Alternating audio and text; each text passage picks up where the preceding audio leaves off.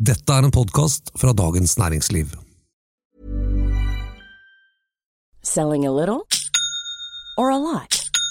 Shopify helps you do your thing however you cha-ching. Shopify is the global commerce platform that helps you sell at every stage of your business. From the launch your online shop stage to the first real life store stage, all the way to the did we just hit a million orders stage. Shopify is there to help you grow. Shopify helps you turn browsers into buyers with the internet's best converting checkout. 36% better on average compared to other leading commerce platforms because businesses that grow grow with Shopify. Get a $1 per month trial period at shopify.com/work. shopify.com/work. Ready to pop the question? The jewelers at BlueNile.com have got sparkle down to a science with beautiful lab-grown diamonds worthy of your most brilliant moments. Their lab-grown diamonds are independently graded and guaranteed identical to natural diamonds, and they're ready to ship to your door. Go to BlueNile.com and use promo code LISTEN to get $50 off your purchase of $500 or more. That's code LISTEN at BlueNile.com for $50 off. BlueNile.com code LISTEN. Ryan Reynolds here from Mint Mobile. With the price of just about everything going up during inflation, we thought we'd bring our prices down. So to help us, we brought in a reverse auctioneer, which is apparently a thing. Mint Mobile unlimited premium wireless. Ready to get 30, 30, bit to get 30, bit to get 20, 20, 20, bit to get 20, 20, bit to get 15, 15, 15, 15 just 15 bucks a month. So, Give it a try at mintmobile.com slash switch. $45 upfront for three months plus taxes and fees. Promo rate for new customers for limited time. Unlimited more than 40 gigabytes per month. Slows. Full terms at mintmobile.com. Ap fossror etter at Støre snakket ut i Aftenposten om sitt egentlige forhold til vanlige folk. Og i partiet Rødt ramlet det onsdag en gjeng våpentilhengere ut av skapet. Hva skjedde der egentlig? Dette er den politiske situasjonen. En podkast om politikk fra Dagens Næringsliv med kommentator Eva Grinde og meg, politisk redaktør Fridtjof Jacobsen.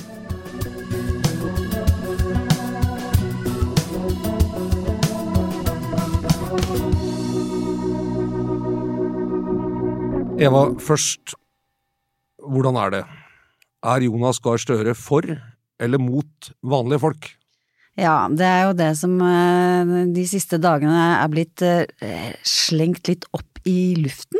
Altså, spør du han, så vil han selvfølgelig svare at han er for vanlige folk, og det, det blir jo litt sånn eh, Illustrerer litt problemet med det slagordet, kanskje. Nå er det vanlige folks tur, som jo er blitt det, det, store debattemaet, da. Og det Men er det et slagord? Nei, ja, ikke sant, er det et slagord? Nei. det har, hva skal vi si, det, it walks like et slagord og går, går som et slagord, og da er det kanskje et slagord. Kvekker som et slagord? Ja. og kvekker som et slagord. Men, eh, men eh, det vi har lært, da, eh, av Arbeiderpartiet og dets omland de siste dagene, det er at dette var aldri vedtatt som et slagord. Men det spiller jo egentlig liten rolle så lenge hele verden har oppfattet at dette har vært Arbeiderpartiets eh, absolutt foretrukne valgspråk siden, ja, i hvert fall et halvt år før valget. Bakgrunnen er et intervju Støre ga til Aftenposten denne uka, eh, hvor det var snakk om eh, Arbeiderpartiets problemer og velgerflukt og en viss sånn nyorientering i den politiske kommunikasjonen fra, fra Støre. Eh, og fikk spørsmål om dette slagordet 'nå er det vanlige folks tur', men han sa at det har aldri vært et slagord for Arbeiderpartiet.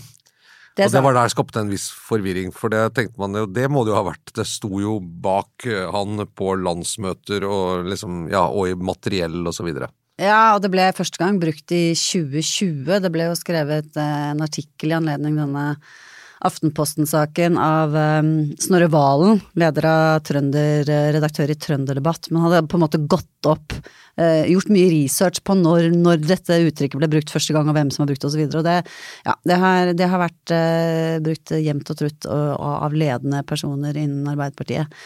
Ja, nei, så sitatet var jo rett og slett det, at dette har aldri vært Arbeiderpartiets um, slagord, og selv foretrekker jeg alle skal med og skape, skape og dele. Skape og dele. To klassiske Arbeiderparti-slagord. Klassiske. Ja. Uh, uh, og det, det ble jo ikke tilbakevist i noe sånn dementi eller noe sånt, men uh, man har vel skjønt etterpå, både Støre selv har jo skrevet et Facebook-innlegg der han eh, vedgår at det kanskje var litt Altså han prøver å forklare det dit hen at dette var bare en sånn teknisk måte å si eh, at det aldri har vært vedtatt som et slagord På landsmøtet, ja. på landsmøtet, eh, og, og at det var det han mente å si. Og det betyr, ikke, det betyr ikke at han snur ryggen til det, til innholdet i det. Nei, ikke sant. Også, og det er jo sånn eh, Man må veie sine ord, og hvis man uttrykker seg litt upresist eller ikke klarer helt å si det, det man mener, eller så, så, så havner man jo i en eh, Må man jo rydde opp og sånn, og det har vært en liten manøver. Men jeg syns det er interessant fordi, eh, litt uavhengig av liksom akkurat hva Støre mener om eh, Nå er det vanlige folks tur, men at han trekker frem alle skal med og skape og dele. Eh, Spesielt skape og dele, fordi det er jo et slagord som eh, som eh, har i seg noe som har vært ganske klassisk for Arbeiderpartiet, nemlig det har vært opptatt av at det skal skapes arbeidsplasser, eh, vekst, og at noen skal tjene penger, og at sånn at man kan betale skatt, og liksom fellesskapet kan få nytte av hva man kan kalle privat verdiskapning. Og så har Arbeiderpartiet som et sosialdemokratisk parti alltid sagt at eh, og en del av disse pengene skal inn så de kan brukes i en velferdsstat som igjen forsyner eh, særlig næringslivet da med godt utdannet arbeidskraft og, og infrastruktur og en rekke andre ting. Strøm eh, jo også, kan man jo også nevne her. Men, men at men at eh, både Støre og næringsminister Jan Christian Vestre og sånn i det siste sier at dette at Arbeiderpartiet er for privat verdiskapning og verdiskapning i privat sektor, har falt litt ut. Man har liksom blitt- fremstilt som et næringsfiendtlig parti, og de tar vel litt selvkritikk og sier vi har ikke vært gode nok til å kommunisere at vi er for næring og verdiskapning. Ja, og de, de tingene henger jo øh, for så vidt sammen nå, da, ikke sant? Fordi at øh, dette med vanlige folks tur har også på en måte ekskludert en god del andre aktører i samfunnet, og da kombinert med rett og slett eh, reell politikk som har blitt vedtatt også, som blir oppfattet, eh, og med rette, som ikke så veldig næringsvennlig, så, så har jo liksom dette blitt sett på som to sider av samme sak. Og så har det blitt ganske viktig for Arbeiderpartiet å komme på banen igjen og, og gjenta og, og liksom det at de står for dette, og at de favner alle, og at de er et bredt folkeparti og et styringsparti osv. Eh, sånn at eh, jeg, jeg syns det virker som liksom, noe av forsøket nå er å, å få dette med dette begrepet vanlige folk til å på en måte innbefatte alle utenom de aller rikeste. Utenom de eh, Utenom eh, Sveits-kandidatene, liksom. Så, eh, så, så, så skal liksom alle inn i den folden. Og da det er jo en måte å løse det dilemmaet på, selvfølgelig. Eller så kunne man si at nei, vi ser at det ble eh, litt eh, polariserende, det ble litt eh, splittende, det fungerte faktisk ikke så bra i lengden. Sånn som man har sett eksempel i Danmark, som jo var modellen for hele dette slagordet, hvor de også har gått bort fra det. Nå, nå er det Ernest tur. Nå er det Ernes tur, og der er det jo blitt eh, over linjen, eh, over linjen, over linjen-regjering nå. Over streken. Over streken, over streken. Langt Det- over streken. Det, jeg synes det, I og for seg så, så at Arbeiderpartiet står for en, eh, og spesielt når det kommer til eh, kommunikasjon i velgere, å synliggjøre forskjellen fra Høyre, så, så syns jeg ikke retorikken som ligger bak nå er det vanlige folks tur er så ny. Eh, Jens Stoltenberg, som nå blir trukket frem som liksom en mye mer næringsvennlig enn Jonas Gahr Støre, han hadde et ganske vanlig omkved i sine valgkamper, og han sa at vi er for bedre velferdstilbud til alle.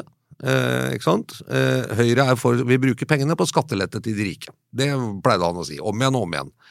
Eh, og i det så kan du jo si at ja, det er jo en slags eh, måte å si at eh, vi vil bruke pengene på alle, altså vanlige folk. Høyre vil gi skattelette til de rike. Når det kommer i den slagordsformen, så, så går det litt tapt, da. Ikke sant? Ja, ja eh, men, men, eh, men velferdstilbud til alle syns jeg er eh, Det er jo mye mer universelt enn enn å dele opp befolkningen i ulike grupper, altså de som er vanlige og de som er uvanlige. Og det har jo vært også noe av det grunnleggende problemet her, med at man hele tiden da har diskutert hva er vanlige folk, hvor går grensen, er jeg vanlig, er jeg ikke vanlig, er jeg ikke verdt noen ting for Arbeiderpartiet lenger, som for eksempel kom frem jo da i denne kronikken som vi hadde på trykk her i, i romjulen. Eh, Kjell Terje Ringdal, som jo er retorikkekspert, og som eh, ja, lengtet tilbake til et annet Arbeiderparti, der han var inkludert, da, for eksempel at det var lov til å til å ha gjort det bra i arbeidslivet og til å ha startet sin egen bedrift og kanskje ha råd til en, en halv eh, tomannsbolig på Nordstrand osv. Er Lilla-velgeren. men, men da er jo spørsmålet om, om det Og så etter den så har det jo vært så har de jo lagt vekt på at vi vil aldri si noe stygt om de som skaper verdier. Vi er partiet også for de som skaper verdier, og vi, vi er for næringsliv og privat næringsliv, det har de sagt eh, flere ganger. Men, men så er spørsmålet eh, Er dette et skifte i politikk, eller er det på en måte et forsøk på å rydde opp i eh, det de ser at okay, vi har kommunisert litt dårlig? Vi kommer til å føre akkurat samme politikken, vi skal bare snakke om det på en annen måte. Og For meg er det litt sånn uklart.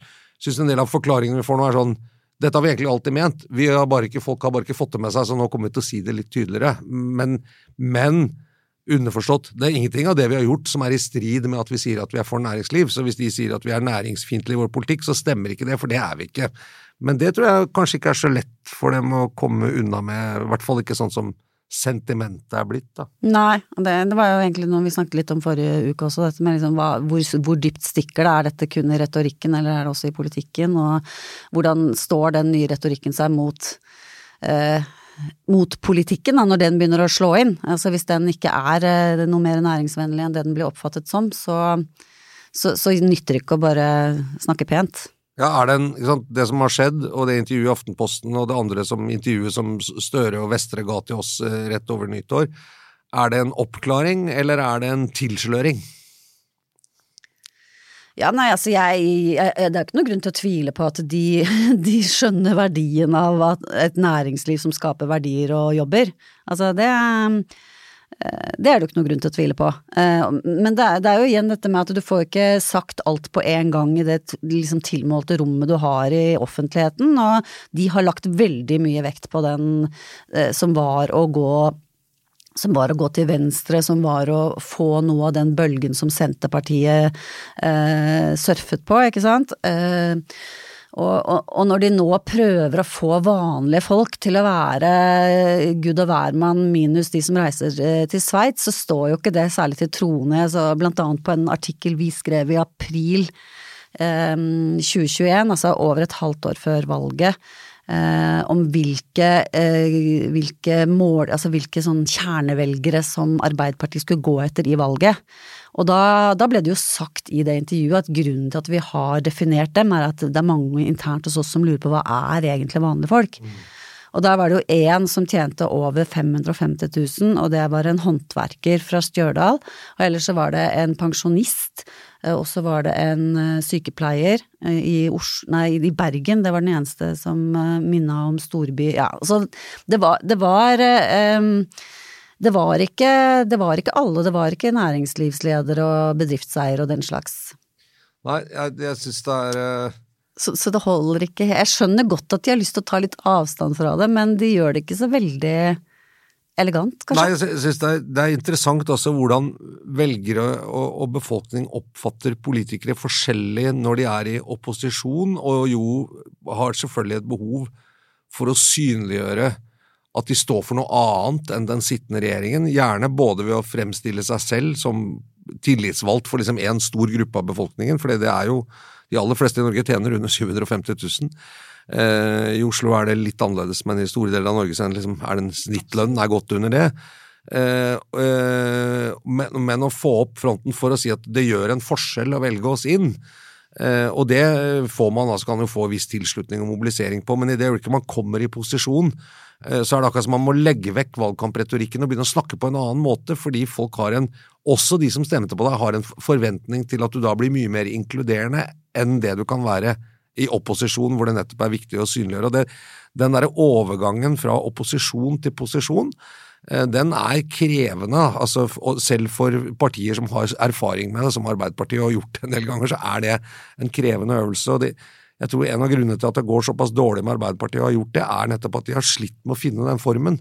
De sitter igjen på en måte i talepunkter og et narrativ som fungerte til en viss grad når de skulle gå til valg, og kanskje særlig i det siste halvåret før valget, når de lyktes å få tilbake en del velgere som har gått til Senterpartiet og sånn, men, men som egentlig de måtte kvitte seg med idet de kom inn. Og, og da kan man jo si at det Jonas Gahr Støre sier, sier at Det var greit å si nå er det vanlige folks tur helt til vi ble valgt. Nå må vi heller si det gamle, alle skal med og skape og dele, for det funker bedre i den posisjonen vi er nå. Ja, ja, og du har en annen oppgave òg. Altså, når, de, når, det er valgkamp, så er det én ting som, eh, som er, kommer før alt annet, og det er bare å liksom håve inn flest mulig stemmer til det valget, og så Men så, så, så, så var det såpass hard, eh, tøff eh, retorikk i, i, i den valgkampen også, sånn at snuoperasjonen ble jo enda eh, bråere. Mm. Det er en, en, sak i dag, da, når vi sitter og tar opp dette på, på onsdag, om uh, han som er sjef for det som heter kapital- og formuesforvaltning i DNB. Det vil si at han, er kontaktpunktet for mange av DNBs kunder som har uh, betydelige formuer.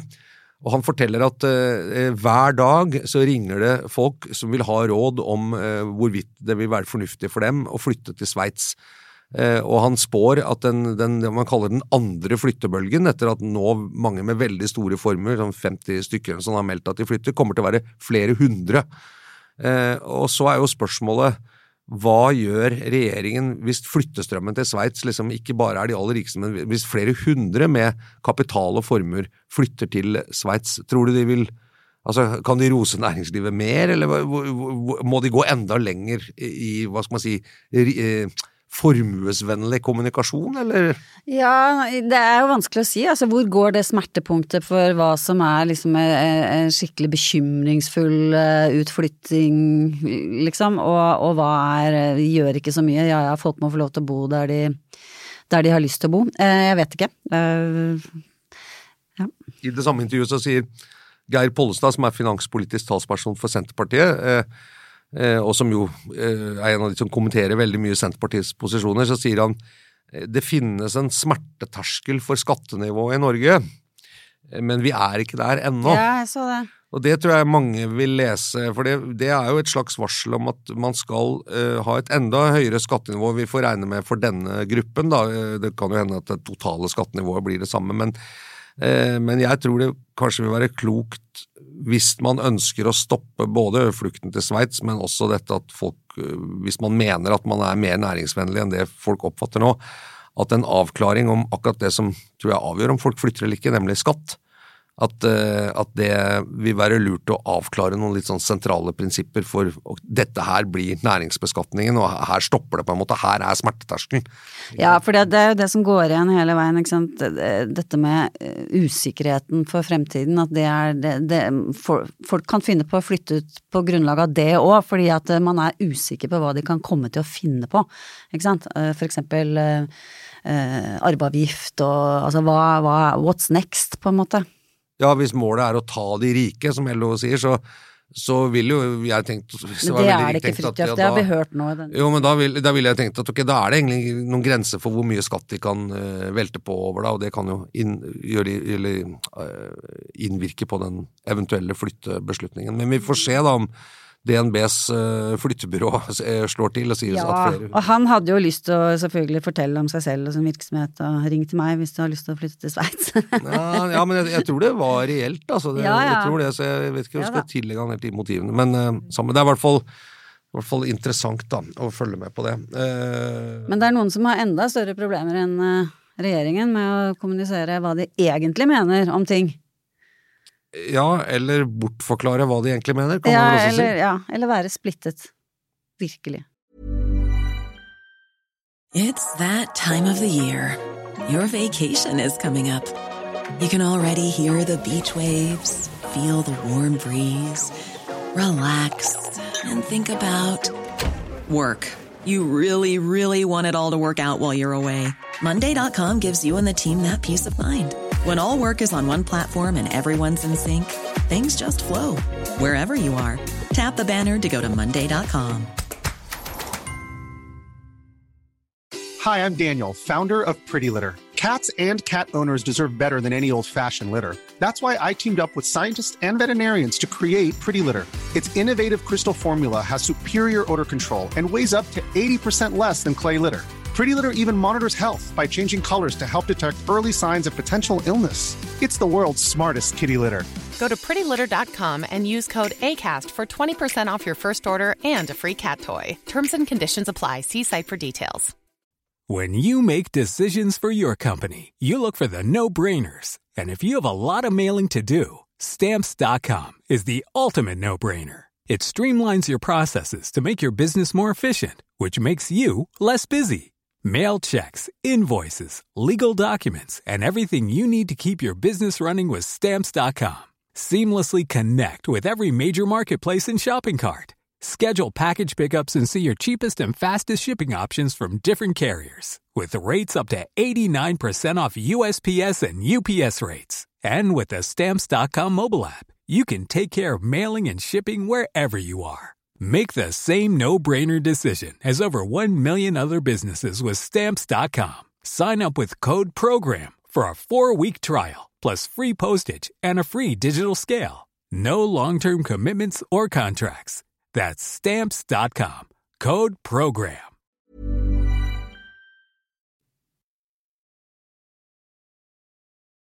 Ja, for nå, nå, må vi snakke om partiet Rødt. Eh, jeg så den debatten på NRK i går. Eh, fikk du sett det, Eva? Ja, eh, jeg fikk eh, nesten hele. Ja, ok. Mm.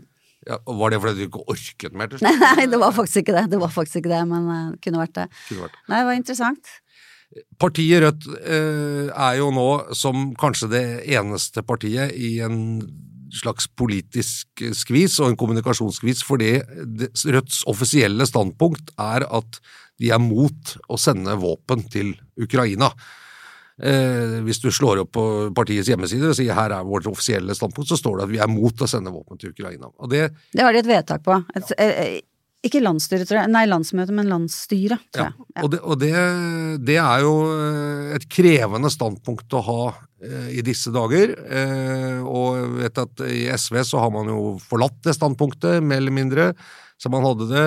Norge sender mange våpen, alle sender våpen. og det, hvert, liksom, det er blitt et veldig kontroversielt, kontroversielt, standpunkt å si at man ønsker å nekte Ukraina ja, våpen for å slåss mot russerne. Ja, så må jeg bare da legge til at de er eh, imot krigen og mener at eh, Russland at det er en angrepskrig og at den, uh, den skal fordømmes og, og så videre. Og så blir jo da spørsmålet hvordan er det mulig å, å være, være, mot Russland i den krigen og samtidig si nei til våpen til Ukraina.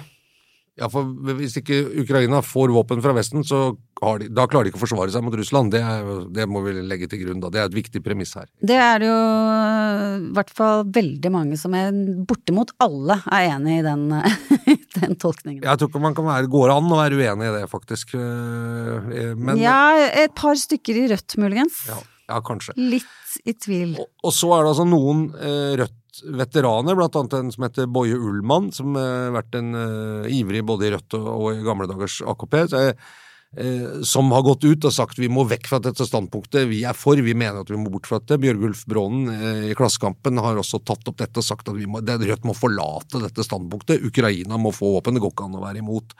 Og så er det noen da som holder fast på det. Uh, men, og, og, noen av de mer, kan man si, dogmatiske Nato-motstanderne, annet en som heter Joakim Møllersen fra sentralstyret, som dukket opp hos Fredrik Solvang i debatten og forsvarte det, det som per i dag er det rådende standpunktet til Rødt, nemlig nei til våpen. Ja, og det, da kom det jo fram i all sin gru hva det, hva det egentlig går ut på. Og så sa han ikke bare Uh, han sa ikke bare at vi ikke skal forsyne Ukraina med våpen fordi vi er et fredsparti, han sa også at at det er i Natos interesse å forlenge krigen, sånn at man ville bidra til en, en forlengelse av krigen ved å, ved å utstyre dem med våpen. Uh, ja. Det, det, og, og, det ville selvfølgelig bli en kortere krig hvis man sluttet uh, å, å, gi dem våpen, for da, da ville det jo bli en okkupasjon og ikke en åpen krig, men det er jo ikke fred. Nei. Så, Nei, så altså, Det argumenterer mot Rødt sånn Jeg tror lytterne vet jo sikkert hvor vi står i dette, og det står sånn, men det som jeg syns er interessant med det, er at eh, eh Rødt og så bare legge til at Rødts leder i Oslo, Siavash Mobasheri, som nå er liksom Rødts frontfigur i Oslo og, og leder for deres bystyregruppe og sånn, han har, igjen, har liksom hatt det samme standpunktet. Eh, ja, altså mot våpen til Ukraina. Ja, og mm. argumenterte ganske hardt for det, noe som fikk Raymond Johansen, byrådsleder i Oslo fra Arbeiderpartiet, til å, til å være veldig spiss og si at dette her, det går ikke an å, å, å mene det. Og, og sånn, Det var en konflikt der da mellom Arbeiderpartiet og, og deres samarbeidsparti i Eller i hvert fall de de gjør opp budsjettet med da i Oslo-politikken. Det er interessant. Men det som er interessant, hvem som ikke sier noe, er Bjørnar Moxnes om våpen. Han, han sier noe om andre ting, men, han, men de, Rødt har en merkelig forklaring. og sier nei, vi skal ha en prosess om dette i partiet, det skal opp på landsmøtet. Frem til da så ønsker jeg ikke å si noe om det, av respekt for partidemokratiet osv.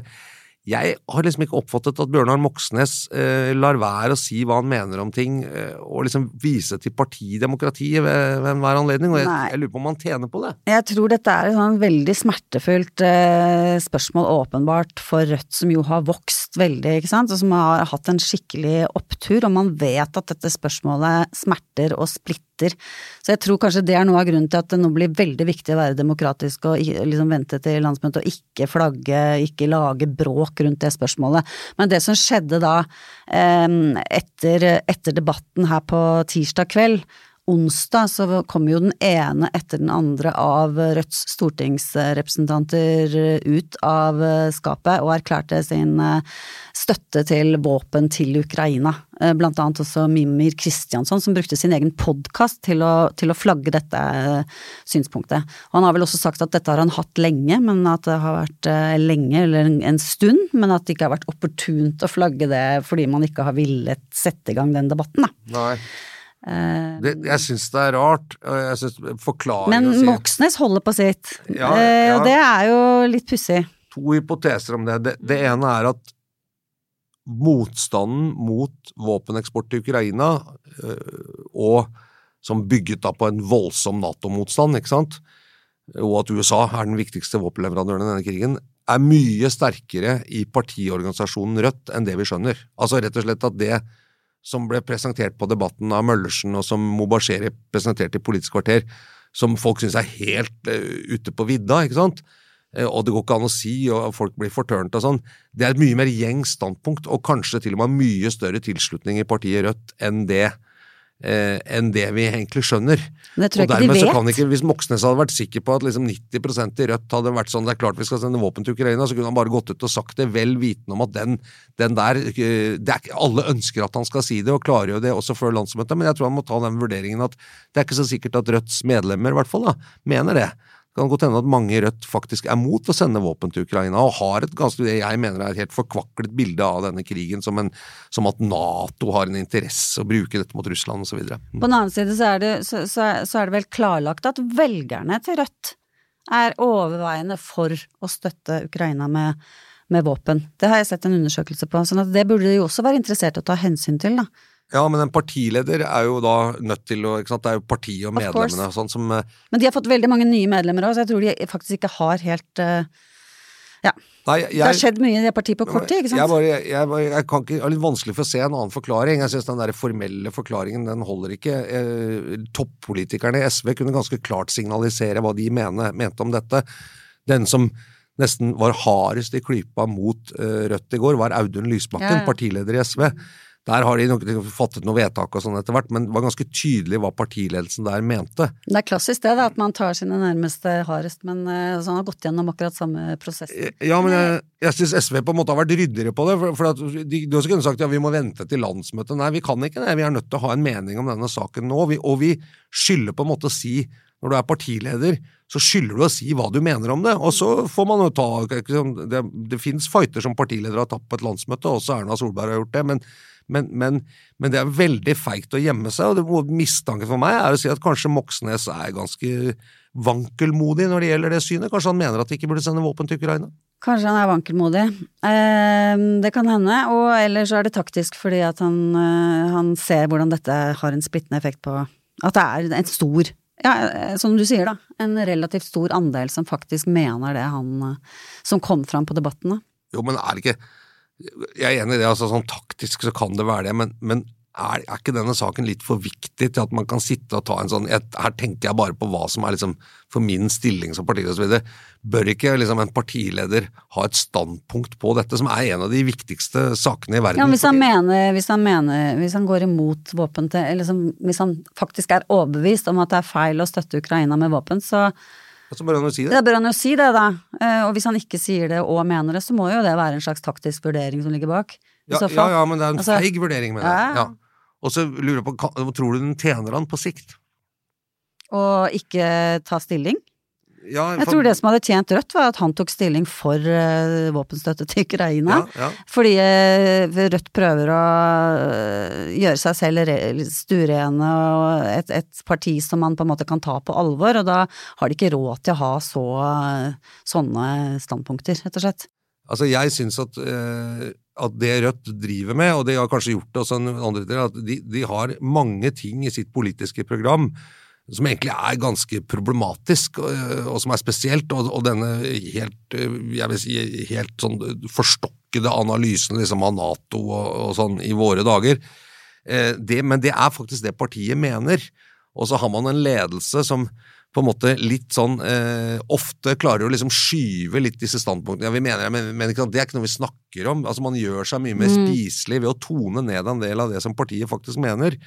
Og så lykkes man kanskje med det å si at det, jo, jo, det er mulig vi mener det, men altså, hallo, det er ikke det vi mener. Vi kommer ikke til, altså, man, man, man ikler seg en mye mer sånn derre eh, tillitsvekkende og, og konform drakt Ja, ja. da, for å tekke Det er det de får, sånn. jevn, de får jo jevnlig pepper for det òg, da. Man skal liksom ta med jevne mellomrom eh, ta opp disse tingene, og så blir de sånn unnvikende og feige og Ja, og det, og det de forsøker nå, er å si liksom, jo, men det er bare noen ekstremister i Rødt som gjør dette, og så sier de ja, ja, vi fikk ikke slippe til på debatten, de plukket bare de med de ville meningene. Så jeg, Men det som Joakim Møllersen sto og sa på debatten når jeg så det, og som Mobasheri sa i Politisk kvarter i, den samme debatten, altså lederen i Rødt i Oslo, Møllersen, som er, sitter i sentralstyret, det er det som er Rødts politikk.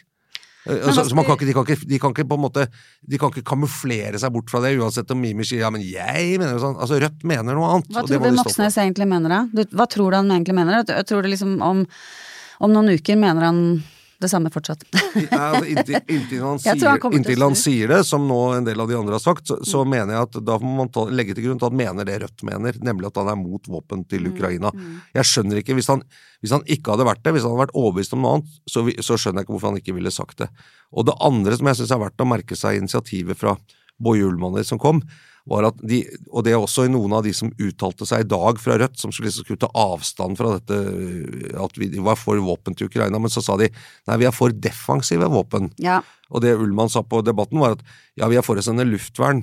Ja, altså det holder heller ikke. Man, hvis, man kan ikke liksom sende defensive våpen, for at målet med dette er jo å gjøre Ukraina i stand til å forsvare seg, det vil si nekte Russland å ta deler av landet deres. Men vi må i rettferdighetens navn si at det har, vært en, det har jo vært en utvikling med, over hele den politiske fjøla her, da. Helt siden, ikke sant, invasjonen, da var det jo ikke snakk om å sende våpen engang, og så har man gått den runden, og så har det vært masse snakk om defensive våpen, og så har det vært den motdiskusjonen som går på at det fins faktisk ikke defensive våpen heller, for at de kan brukes, de kan brukes enten sånn eller sånn. Ja, sånn at de, de, de er liksom på vei de tar et sånt steg av gangen, på en måte, da, men det er i hvert fall riktig retning. Ja, men det, men det er liksom eh, Situasjonen er akutt. Eh, og, og situasjonen for Ukraina er akutt. Det, I den større sammenhengen så, så er det jo, sier man at de trenger stridsvogner som er eh, tyskproduserte, men som Polen og andre land ønsker å si vi har dem, vi vil gi dem. Men da må Tyskland gi en tillatelse til at de kan få dem, og den tillatelsen den, den, liksom, den står fast et eller annet sted i tysk politikk, ikke sant, i Berlin, og sier ja, det er ikke sikkert det, altså frem og tilbake. Og Og det kan avgjøres nå ganske snart, faktisk. ja, og det, vi får jo håpe at det ender riktig, men, men dette er sånn Det er litt sånn Hvis man mener alvor med at man skal gjøre Ukraina i stand til å forsvare seg mot en okkupant, da, en aggressiv så må man, tror jeg, være villig til det, det, Man kan ikke bare si at man er for det, uten at man er villig til å gjøre det som trengs. Nå håper jeg Rødt hører på, og tar det til seg. Ja, det får vi håpe. Men eh, nei, men å forsøke på å liksom tilsløre et så, sånn standpunkt, det, det syns jeg eh, Ja, det, ikke det kler ikke et politisk parti med, av Rødt sin størrelse og betydning, da. Det syns jeg. Nei. Litt moral på slutten der. Og med disse ord Ja, det var den politiske situasjonen. Sett med våre briller, da. Krigsbrillene. Eh, de som lagde denne podkasten. Eh, det var kommentator Eva Grinde og meg, politisk redaktør fra Dagens Næringsliv. Produsent heter Gunnar Bløndal. Og vi er tilbake neste uke. Vi høres. Ha det bra.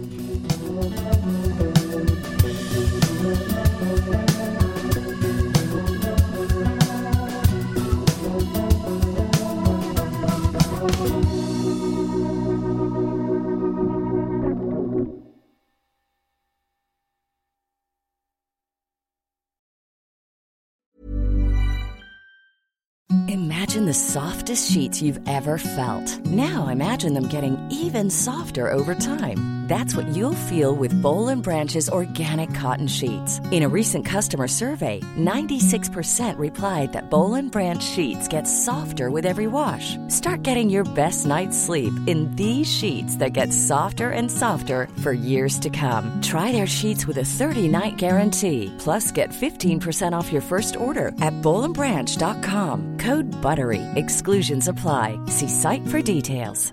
Hi, I'm Daniel, founder of Pretty Litter. Did you know cats tend to hide symptoms of sickness and pain? I learned this the hard way after losing my cat, Gingy. So I created Pretty Litter, a health monitoring litter that helps detect early signs of illness by changing colors, saving you money and potentially your cat's life. Pretty Litter is veterinarian developed, and it's the easiest way to keep tabs on your fur baby's health right at home. Go to prettylitter.com and use code ACAST for 20% off your first order and a free cat toy. Terms and conditions apply. See site for details. Hey, it's Paige DeSorbo from Giggly Squad. High quality fashion without the price tag? Say hello to Quince. I'm snagging high end essentials like cozy cashmere sweaters, sleek leather jackets, fine jewelry, and so much more. With Quince being 50 to 80% less than similar brands. And they partner with factories that prioritize safe, ethical, and responsible manufacturing. I love that. Luxury quality within reach. Go to quince.com slash style to get free shipping and 365 day returns on your next order. Quince.com slash style.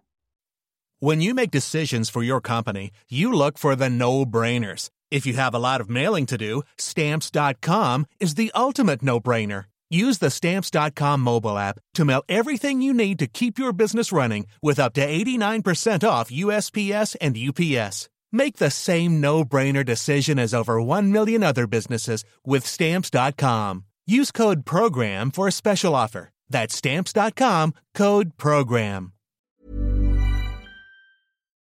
Du har nå hørt en podkast fra Dagens Næringsliv.